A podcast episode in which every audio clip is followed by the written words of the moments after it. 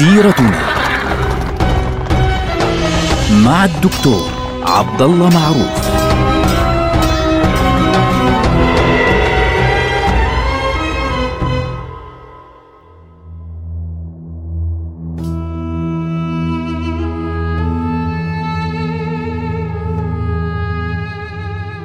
السلام عليكم ورحمة الله وبركاته.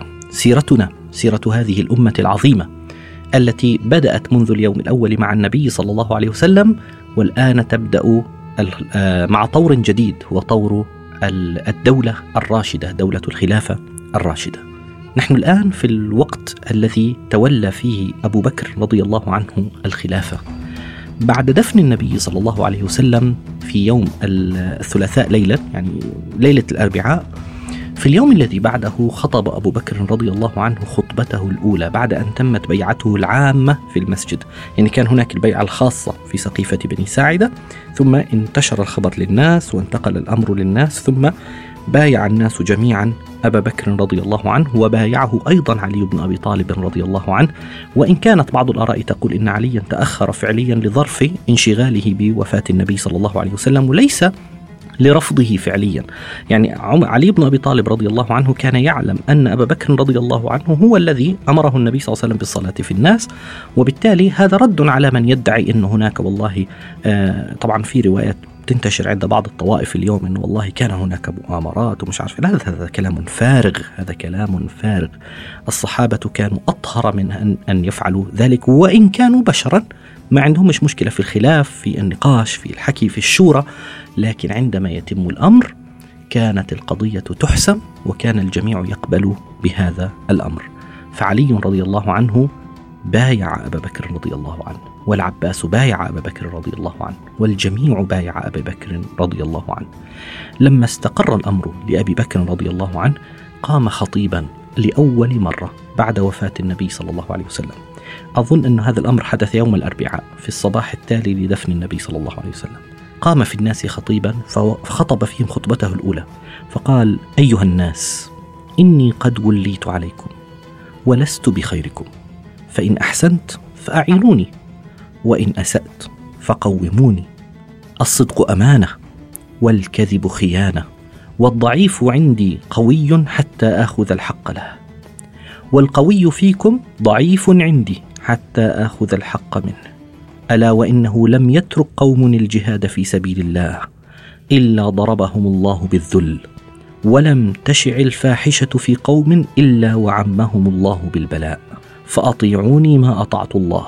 فإن عصيت الله فلا طاعة لي عليكم. هذا هو دستور أبي بكر. طبعا لاحظوا الخطبة دائما في بداية أي أمر خطبة الإمام اللي هو أو الزعيم أو القائد أو الرئيس أو أي شيء هو اللي بيبين فيها إيه؟ يعني استراتيجيته في الحكم. فهذه كانت استراتيجية أبي بكر رضي الله عنه وأرضاه. إنه أنا على ما دمت على الحق فطاعتي واجبة عليكم. وإن كنت قد بدلت وعصيت الله عز وجل فلا طاعة لي عليكم. هذا رد على بعض الناس اليوم الذين يقولون بغير هذا الأمر. فأبو بكر رضي الله عنه عند ذلك بدأ يتخذ أول قرار. الآن سيتخذ القرار الأول. ما هو؟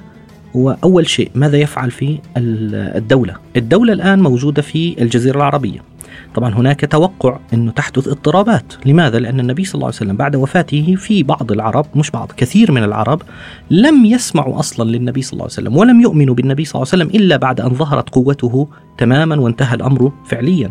ولذلك يعني لا يؤمن عليهم أن يرتدوا. وهذا الأمر هو الذي حدث بالفعل. طبعا هناك آه، بعض العرب كانوا قد ارتدوا بالفعل أصلا يعني مثلا آه، جماعة آه، بنو حنيفة مثلا كانوا قد ارتدوا في عهد النبي صلى الله عليه وسلم لما ظهر مسيلمه الكذاب، أيضا بنو أسد كانوا قد ارتدوا ولحقوا بطليحة ابن خويلد الأسدي. وبالتالي الأمر يعني غير واضح الآن. ما الذي سيحدث؟ يعني أبو بكر الصديق أمامه هذا الخريطة اللي بده يشوفها الآن قبل أن يتخذ أول قرار في خلافته. رضي الله عنه وأرضاه. طبعا على فكرة آه، في مكة المكرمة كاد الناس يرتدون وفي الطائف كاد الناس يرتدون لما وصلت الأخبار وانتشرت كان هناك يعني توقع أن ترتد القبائل العربية. وصل الأمر إلى مكة المكرمة على سبيل المثال فبدأت بعض النفوس تتحرك. أنه آه مات محمد نحن لماذا نقف مع أبي بكر؟ لماذا نفعل كذا؟ نعود إلى سيرتنا الأولى بيرجع مجد قريش ومش عارف إيه. يعني لسه في بعض الناس ما زال عندهم هذه الصبغة الجاهلية إلى حد ما لساتهم جداد. تعرفوا من الذي أوقف الردة فعليا في مكة المكرمة؟ هو واحد من أشد الناس عداوة للنبي صلى الله عليه وسلم قديما والآن واحد من أفضل الناس فعليا هو سهيل ابن عمرو رضي الله عنه الذي فاوض النبي صلى الله عليه وسلم في صلح الحديبية على فكرة. فسهيل بن عمرو وقف وقال أيها الناس إن من كان يعبد محمدا فإن محمدا بشر قد مات ومن كان يعبد الله فإن الله لا يموت. أيها الناس لا تكونوا آخر الناس إسلاما فقد أبطأتم أسرع الناس ولا تكونوا أولهم ردة فثبت الله به الإسلام.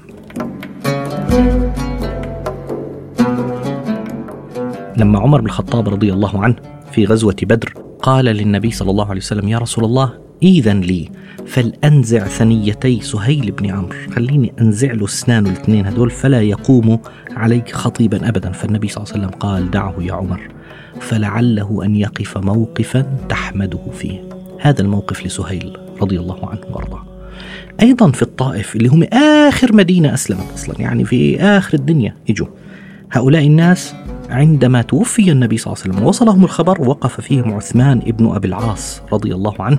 فوقف فيهم وقال أيها الناس يا معشر ثقيف كنتم آخر الناس إسلاما فلا تكونوا أول الناس ردة.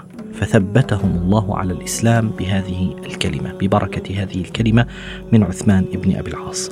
وبالتالي أول قرار سيتخذه أبو بكر رضي الله عنه سيكون مبنيا على هذه الفكرة. ما هو القرار؟ طبعا هو يتجلى له خبر واخبار خطيرة أن هناك أصلا قوم مرتدين أيضا في حياة النبي صلى الله عليه وسلم وبنو حنيفة وغيرهم وبالتالي يخشى أن يقوم بعضهم بالردة أيضا. لكنه مع ذلك يتخذ قرارا بإنفاذ بعث أسامة بن زيد. فالناس استغربوا. يعني جاءوا إلى أن إلى أبي بكر. عمر رضي الله عنه جاء لأبي بكر وقال له يا أبا بكر يعني أنت الآن أنت عارف الوضع كيف راح يكون مربك. ونحن نخشى أن ترتد العرب وأن تهاجم المدينة. وأنت تريد أن ترسل أسامة بن زيد إلى الشام. لو أبقيته عندك فاستعنت به. اللي معه هدول ثلاث آلاف فيهم كبار الصحابة مش واحد ولا اثنين ولا ثلاثة. فبالتالي أبو بكر رضي الله عنه إيش قال له؟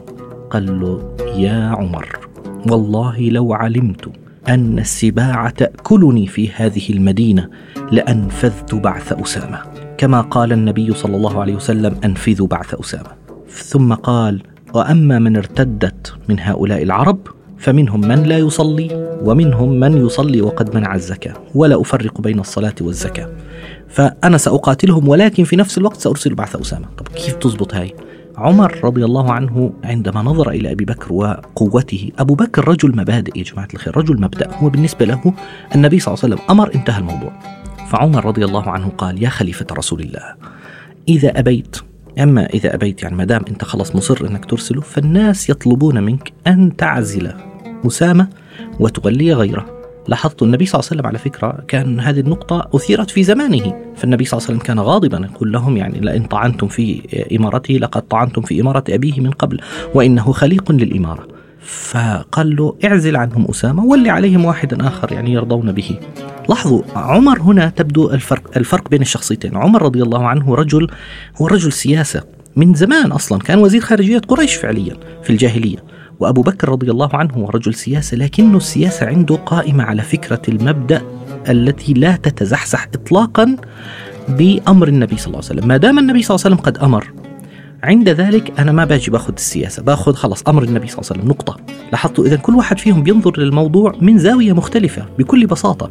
فأبو بكر رضي الله عنه قال له ثكلتك أمك وعدمتك يا ابن الخطاب يؤمره رسول الله وتأمرني أن أعزله؟ إيه شو مالكم أنتوا يا جماعة؟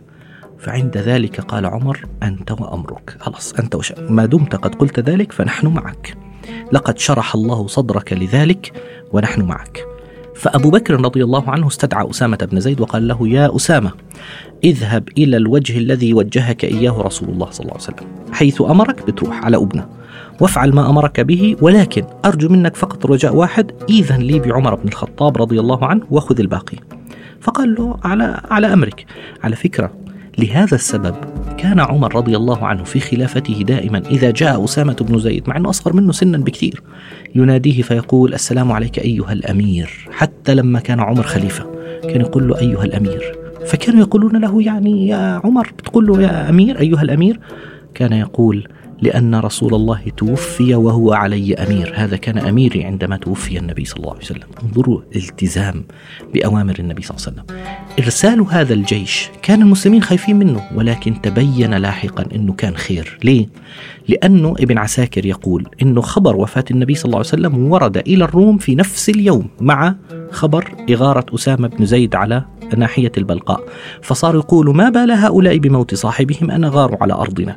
في نفس الوقت سمع العرب بالخبر أن والله المسلمين هذول مش سائلين هذول بيروحوا على الشام بعد وفاة النبي صلى الله عليه وسلم. فعرفوا أن الأمر لو لم يكن هناك قوة كبيرة في المدينة لما كان أبو بكر مطمئنا على أن يرسل ثلاثة آلاف جندي بدل ما يستعين بهم. هذا الأمر يعني أخاف المرتدين فعليا من المسلمين. وكان له أثر مهم جدا في ضبط الروح المعنوية، فعلا أسامة بن زيد ذهب ثم رجع. في نفس هذه المرحلة يعني في نفس هذه المرحلة كانت حركة الردة قد بدأت في المسلمين، وكان أول من أوصل الخبر بالردة إلى آه، أبي بكر رضي الله عنه القبائل التي حول المدينة، عبس وذبيان وما حولها. عبس وذبيان بدأت الأمور تضطرب عندهم وبدأوا يعلنون الردة لكن طريقة الردة كانت مختلفة. يعني بعض الناس فعلا ارتدوا بالكلية. مثل مين؟ مثل بنو حنيفة على سبيل المثال. قالوا لا إحنا عندنا أصلا نبي آخر وأشرك مع النبي محمد صلى الله عليه وسلم وهو مسيلمة. فبالتالي ارتدوا تماما. لكن هناك قبائل أخرى ما ارتدت تماما. يعني على الكلية ما تركوا الإسلام على الكلية وإنما صاروا يقولوا نحن يعني نؤدي الصلاة نؤدي كل شيء. ولكن عندنا مشكلة واحدة معك يا, أبي يا أبا بكر وهي الزكاة. لا نؤدي هذه الزكاة ولا نعطي هذه الزكاة وبالتالي أنا يعني إحنا معلش اسمح لنا بين قوسين يعني إنه ما عندناش مشكلة في الصلاة وما عندناش مشكلة في أي شيء إلا في الزكاة لأنه هذه أموالنا نؤديها لرسول الله لكن لا نؤديها لأبي بكر.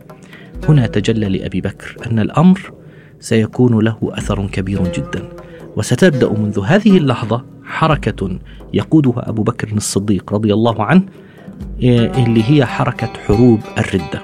حرب أعلنها أبو بكر رضي الله عنه لتثبيت الإسلام في الجزيرة العربية ضد تلك القبائل التي ظنت أن الأمر ينتهي بوفاة النبي صلى الله عليه وسلم.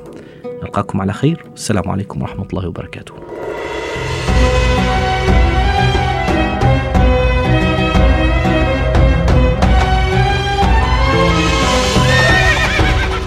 سيرتنا مع الدكتور عبد الله معروف.